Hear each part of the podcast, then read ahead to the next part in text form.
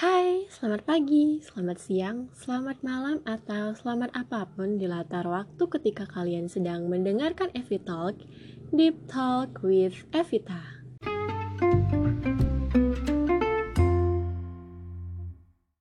Podcast kali ini diudarakan di tanggal 25 Desember tahun 2019 Pembahasan podcast ini akan lebih sedikit santai dibandingkan dengan pembahasan podcast-podcast sebelumnya. Hmm, tercetus aja gitu mau ngebahas mengenai gimana rasanya menjadi mahasiswa fakultas hukum biar ya podcast ini ada variasinya aja biar pembahasannya tuh nggak ribet-ribet amat. Nah tapi bakal tetap aku deep talk sih nggak cuma sekedar sekedar bahas gitu aja jadi mungkin kalian yang ada niat untuk masuk ke fakultas hukum ya bisa menjadikan ini sebagai bahan referensi. Aku nggak tahu apakah sebuah podcast bisa menjadi referensi atau mungkin kalian yang memang udah menjadi salah satu mahasiswa fakultas hukum mungkin ada dari kalian yang memang teman aku teman sekampus hai Iya, mungkin kalian lagi iseng aja kali ya dengerin podcast ini. Yang dengerin aku aja. Jadi selamat mendengarkan ya. Oke. Okay. uh, eh, awal atau alasan pertama aku kenapa aku memilih fakultas hukum sebagai pilihan kuliah aku adalah sedikit panjang sih ceritanya. Sebenarnya dari kecil kalau ditanya apa cita-citaku nggak ada satupun cita-cita aku waktu kecil untuk menjadi seorang praktisi hukum. Nggak usah deh praktisi hukum untuk masuk ke fakultas hukum aja itu aku nggak pernah membayangkan itu dari kecil. Aku cuma suka sama cerita-cerita misteri. Itu memang dari SD sampai sekarang aku suka banget sama cerita-cerita misteri aku hobi baca serial komik detektif Conan satu-satunya serial komik favorit aku.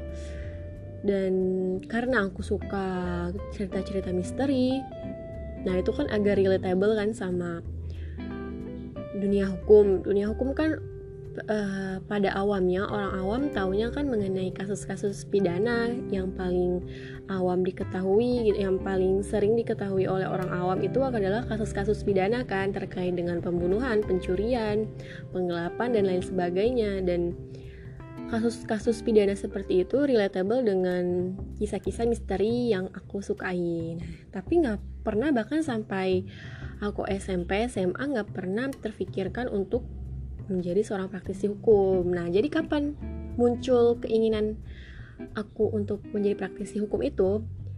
Jadi kalau nggak salah pada tahun 2017 awal kalau kalian masih ingat dan aku yakin sih kalau aku sebutin kasusnya pasti kalian masih oh iya kasus itu gitu jadi ada kasus kopi Vietnam nah pasti udah tahu dong itu kasus apa uh, yaitu kasus seorang perempuan almarhum Mirna namanya diduga meninggal pada waktu itu karena diracun oleh salah satu temannya.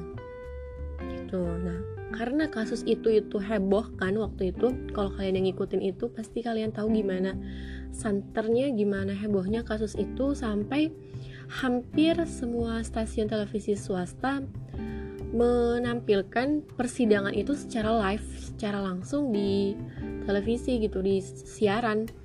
Dan itu kasusnya dari pagi itu sampai jam, jam dari jam 9 sampai jam tengah malam kadang.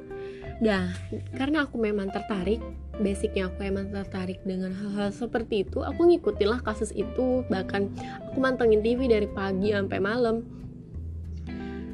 Dan pada satu titik dengan beberapa alasan aku kagum sama jaksa yang mengenangani kasus itu kayak ada wow gitu ngeliat dia gitu.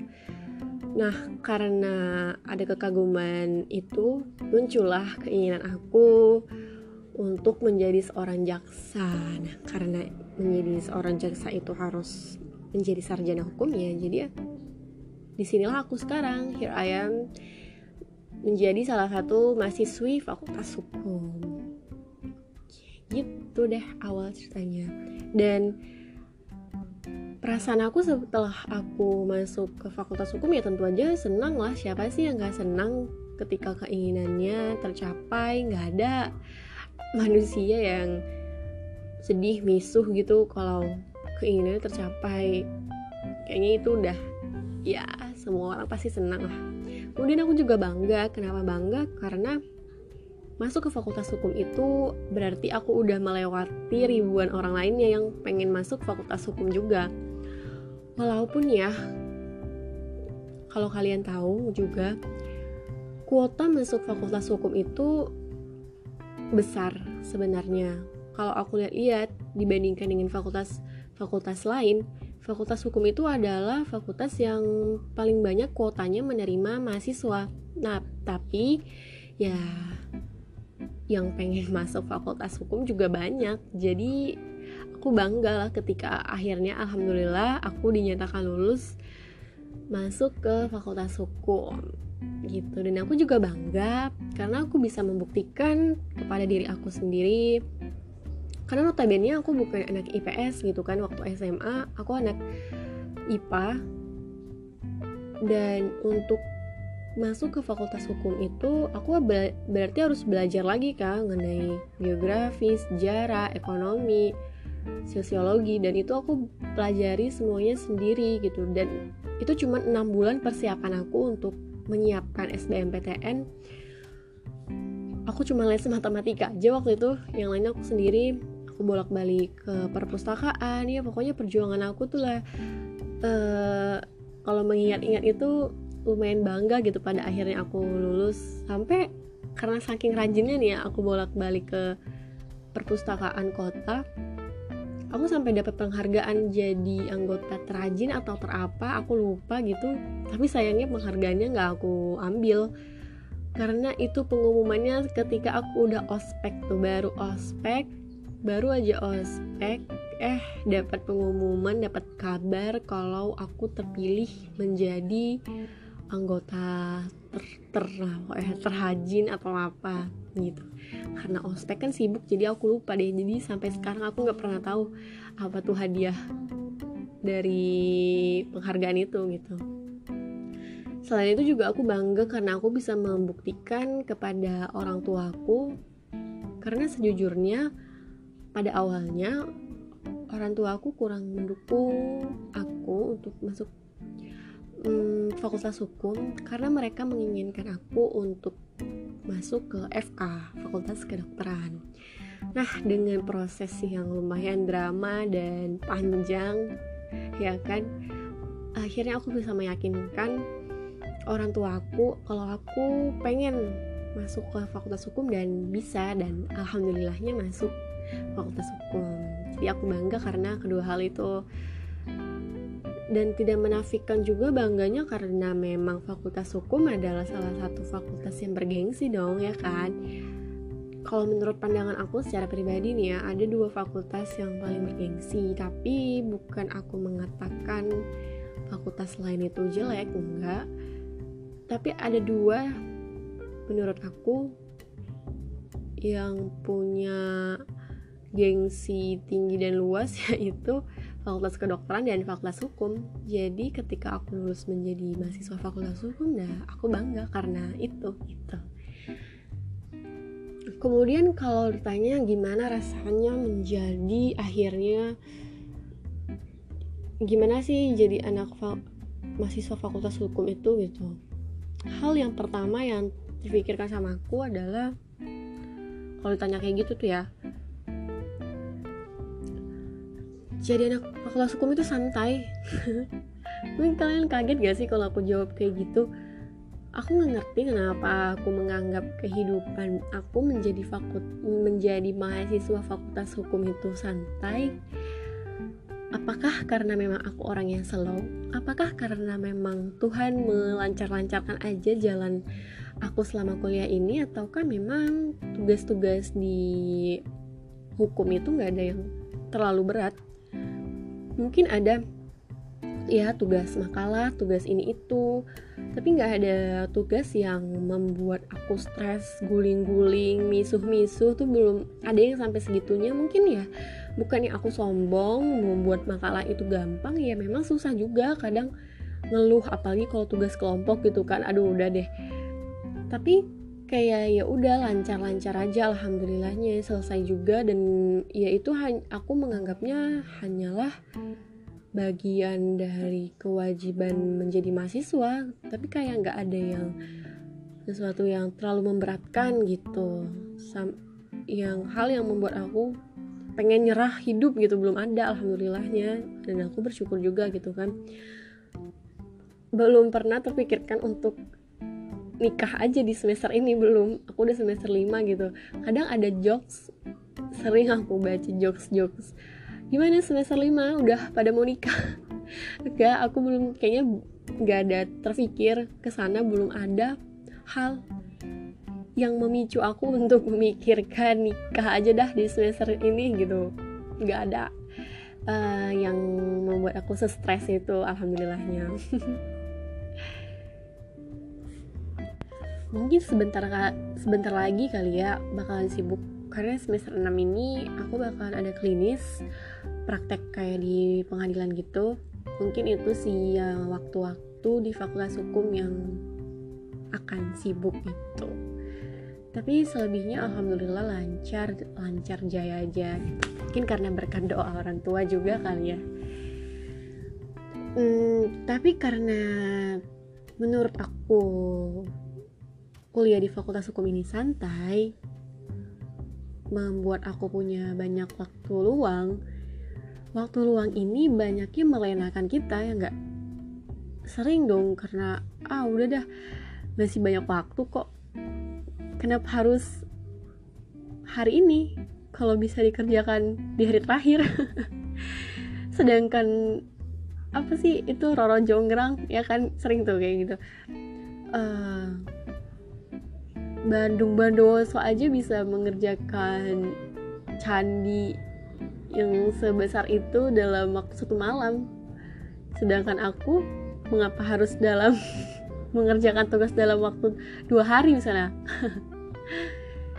Itulah itu sekedar jokes aja sih. Jadi karena banyaknya waktu luang itu kita sering terlena terlupakan terus ya berleha-leha jadinya sehingga waktu luang, waktu santai itu memberikan kita dua pilihan. Apakah kita mau memanfaatkan itu dengan baik atau tidak? Nah, di sini seorang teman itu berperan sangat penting. Karena memang pada teori klasiknya ya, teori pada umumnya orang udah pada tahu kalau lingkungan itu akan mempengaruhi kehidupan kita jadi seorang teman itu juga akan berpengaruh terhadap cara kita memanfaatkan waktu gitu. Seandainya nih teman kita orang-orang yang memang hedon yang ketika ada waktu luang nge nge cafe apa sih namanya tuh hangout nah hangout ke cafe.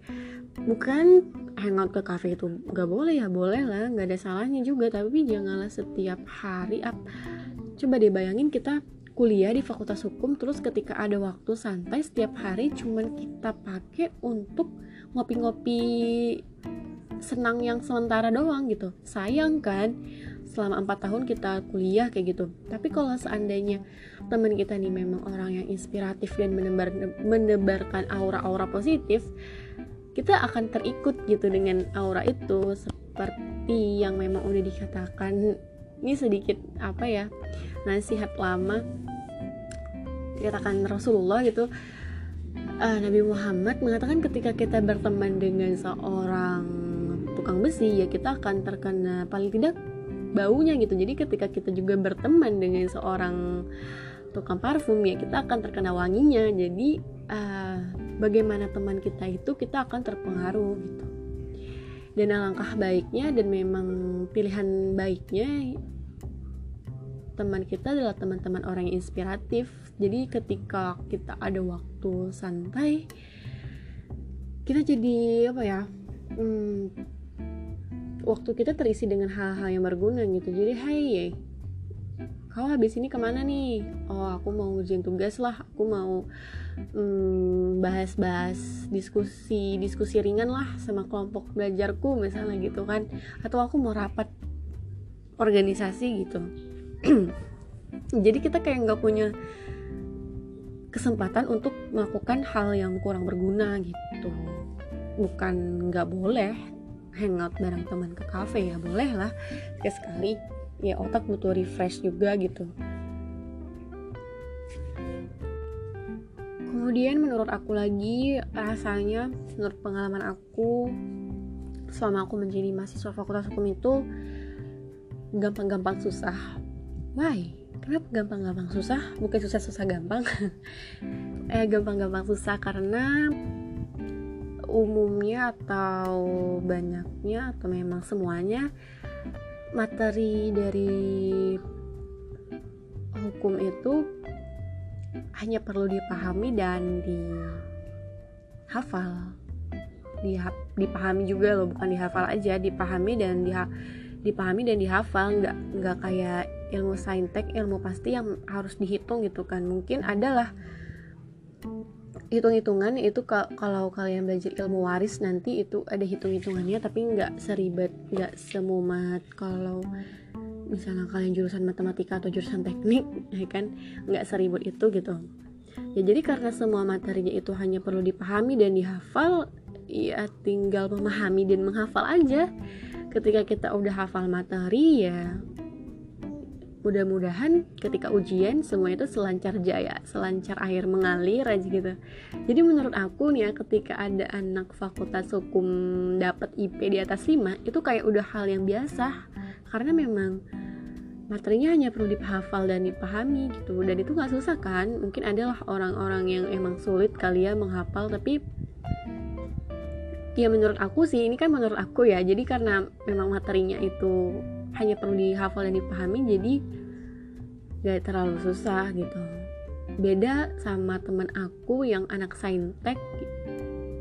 Dia itu anak teknologi informasi. Kalau aku dengar dari cerita-cerita dia anak teknologi informasi itu kalau dapat IP 3,5 aja tuh prestisnya udah kayak dapat IP 4 kalau mereka dapat 3,3 itu kayaknya udah bagus gitu sedangkan aku nih ya kalau aku dapat IP 3,3 itu masih kurang masih aku masih bisa melakukan hal yang lebih baik dari 3,3 IP 3,3 gitu. Karena dapat IP 3,5 itu seperti hal yang biasa di fakultas hukum gitu.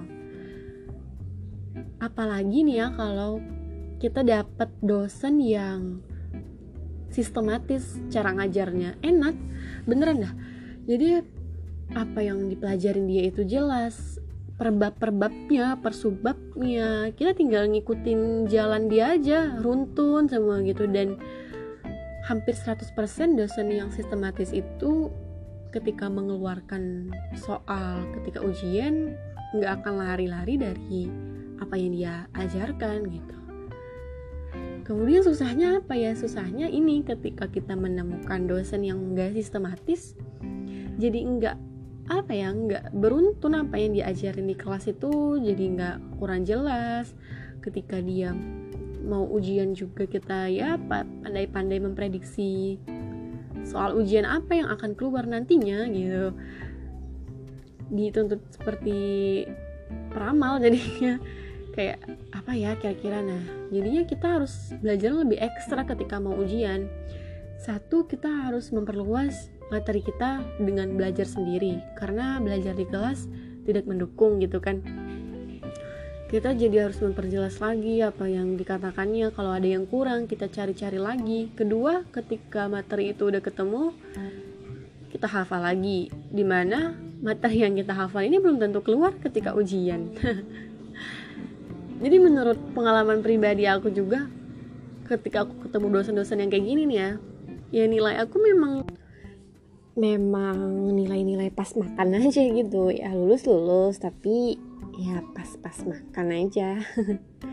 Pas-pasan gitu. Jadi ketika kita ketemu dosen yang sistematis semuanya menjadi gampang insya Allah. Uh, tapi ketika kita menemukan dosen yang gak sistematis ya itu jadi susah gitu.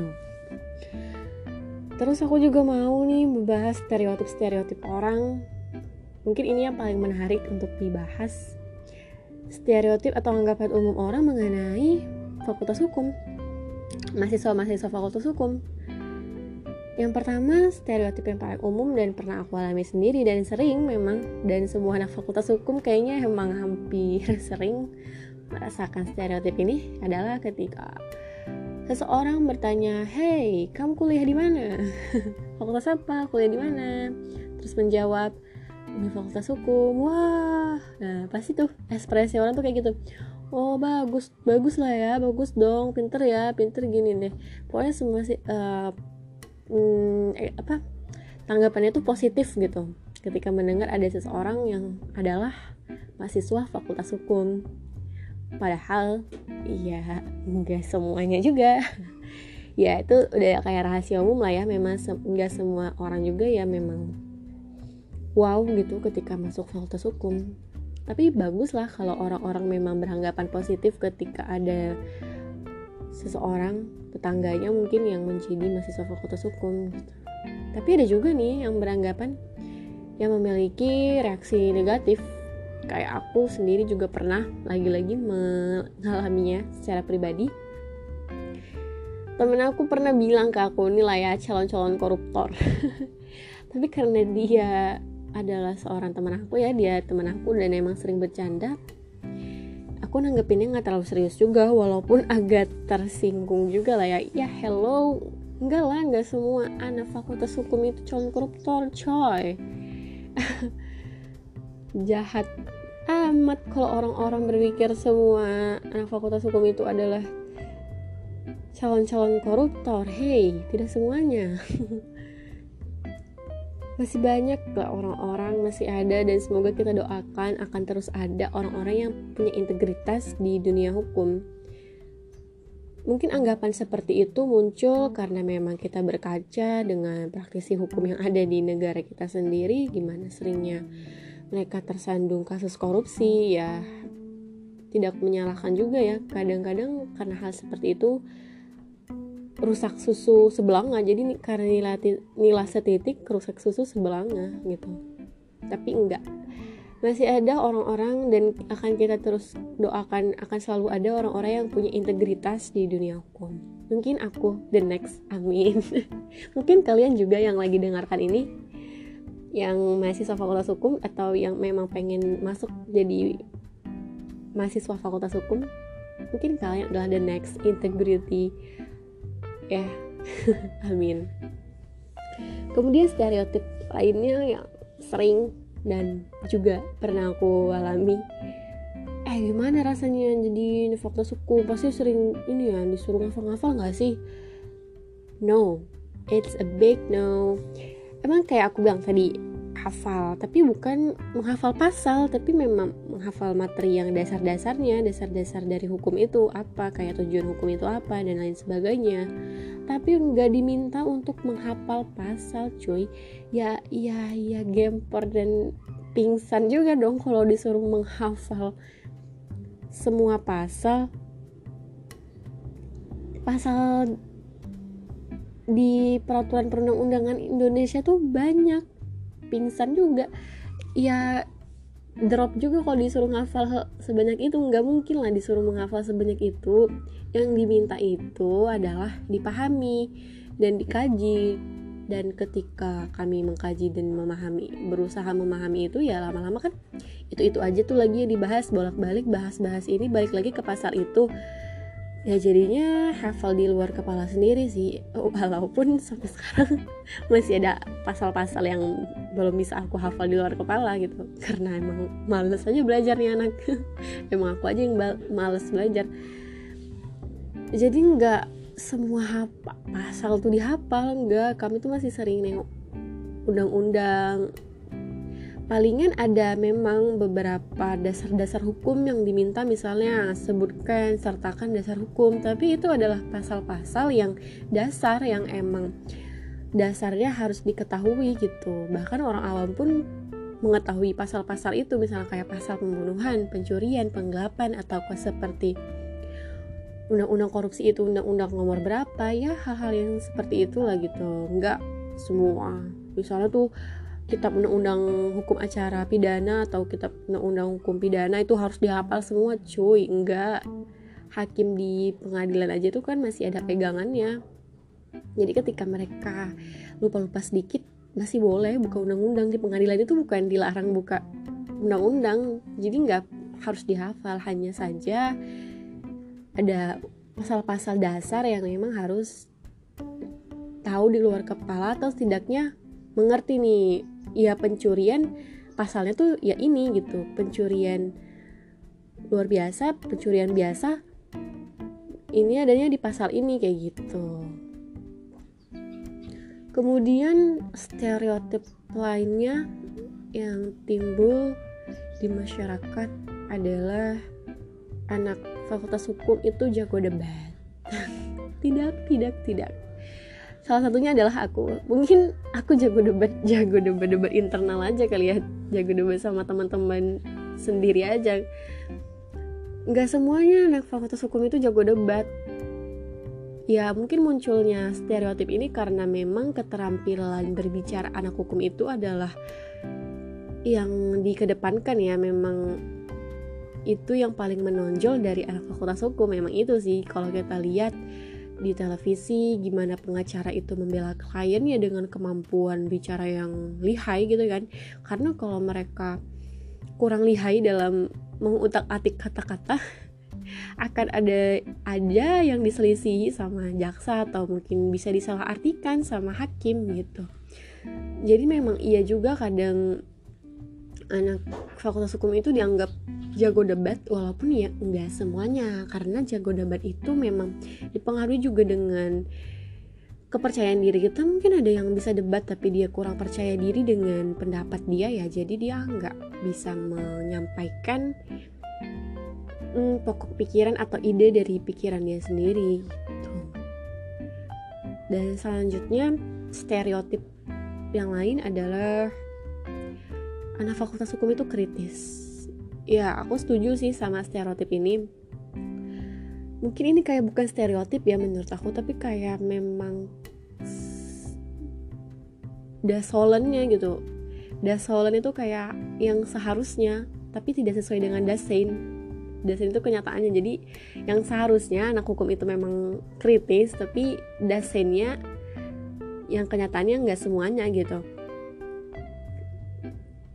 uh, anak fakultas hukum itu dituntut mungkin ya harapan masyarakat itu ketika ada suatu isu hukum yang beredar kami itu diharapkan uh, dapat memberikan pendapat pribadi kami mengenai kasus itu dan kalau bisa ya memberikan solusi. Jadi mm, tidak seharusnya dan tidak sepatutnya uh, ketika ada kasus-kasus yang beredar, isu-isu hukum yang beredar, terus kami cuman oh iya iya iya. Sekedar tahu tapi nggak bisa memberikan pandangan terhadap kejadian itu, gitu.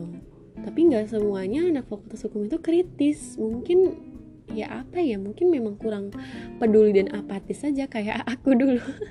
Nggak aku dulu sih. Mungkin sampai sekarang aku masih kurang kritis anaknya. Masih kurang lihai deh uh, memberikan pendapat dan solusi di isu hukum yang berbeda gitu. Dan itu kadang membuat aku sedikit apa ya minder kali ya. Apalagi kalau di rumah pas orang tua lagi nonton berita terus aku nggak tahu aku nggak bisa memberikan pandangan pribadi aku terhadap berita yang lagi muncul di televisi tuh kayak aduh gimana sih? Kamu nih anak hukum juga nggak bisa ngasih pandangan nggak masa eh menurut tanya pendapat nggak tahu pendapatnya apa cuman iya iya doang. Gimana sih? Ya kadang kayak gitu tuh kayak minder kadang kayak gitu. Itu stereotip yang paling umum dan mungkin sedikit meluruskan lah ya stereotip-stereotip yang beredar di masyarakat. Kemudian kalau ditanya nih um, apa sih suka dukanya menjadi anak fakultas hukum?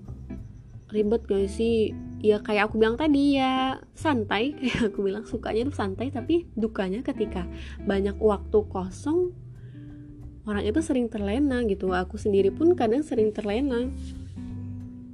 Tapi karena untungnya adalah teman-teman di sekitar aku orang-orang di sekitar aku bukan cuma teman tapi senior yang ada di sekitar aku itu adalah orang-orang inspiratif dan menebarkan aura positif.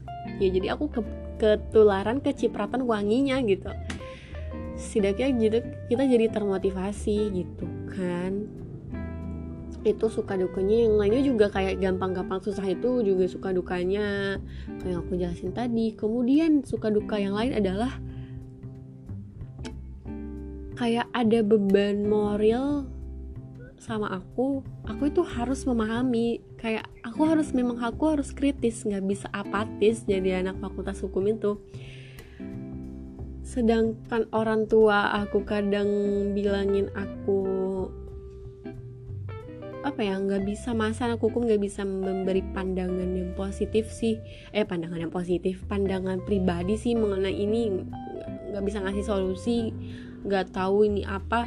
Kadang suka minder apalagi kalau orang-orang beranggapan aku seperti itu gitu. Kayak anak hukum kan ya kau harusnya anak hukum loh ya mengerti lah mengenai ini masa nggak ngerti gitu. Kayak ada beban moral aku harus paham mengenai isu hukum gitu. Kalau nggak paham aku malu dan minder kayak gitu. Itu yang kadang dukanya menjadi anak fakultas hukum. Tapi kalau misalnya memang dia anaknya kritis abis ya itu menjadi hal yang menyenangkan kali ya selanjutnya beban moral juga ke aku nih ya. Kadang aku masih insecure aku nggak tahu apakah hanya aku yang insecure atau ini dirasakan juga sama teman-teman aku yang lain. Aku masih mikir nih ya aku udah semester 5 apakah nanti aku akan bisa ketika aku udah lulus dari fakultas hukum itu memenuhi standar seorang sarjana hukum? Karena kadang-kadang tuh sampai sekarang aku masih merasa surprising dan amazed sama dosen-dosen aku yang luar biasa. Kadang suka ya Allah ya ampun ini dosen kenapa masih misalnya kok bisa ya hafal di, di luar kepala tentang ini itu? Dan mereka itu bukan cuma menguasai apa yang mereka ajarkan bukan uh, misalnya nih ada dosen kriminologi dan dia bukan cuma paham kriminologi aja tapi dia paham misalnya sedikitnya perdata yang yang dasar-dasar hukum perdata dia juga hafal gitu. Walaupun dia dosen pidana dia juga tahu mengenai ilmu hukum internasional meskipun cuma dasar-dasarnya. Kadang aku masih apakah aku bisa seperti itu nantinya? gitu kan. Kadang menguasai satu mata kuliah aja itu kadang eh, harus dikejar-kejar gitu.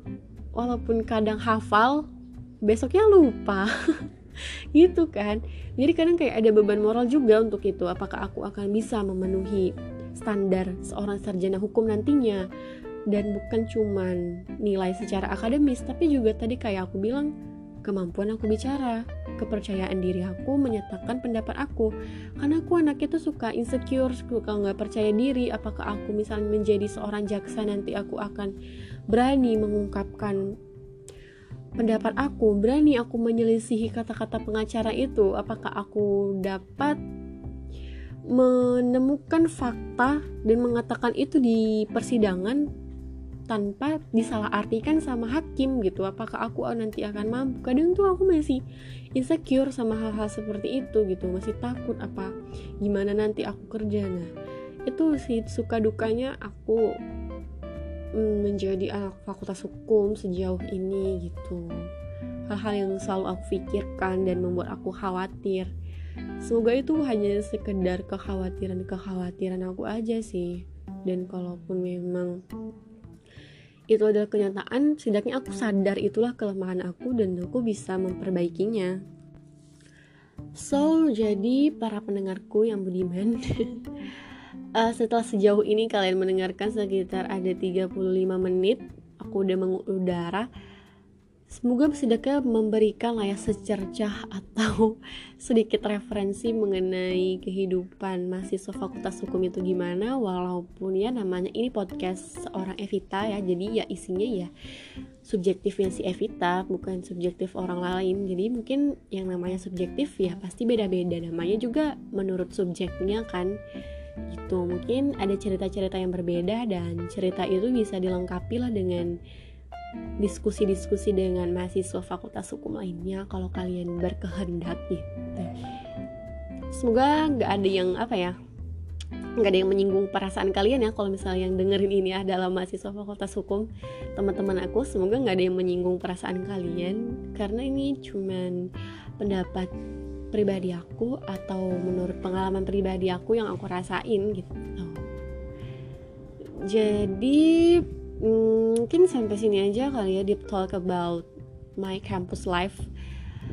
Uh, aku ucapin selamat jumpa di episode selanjutnya. Bye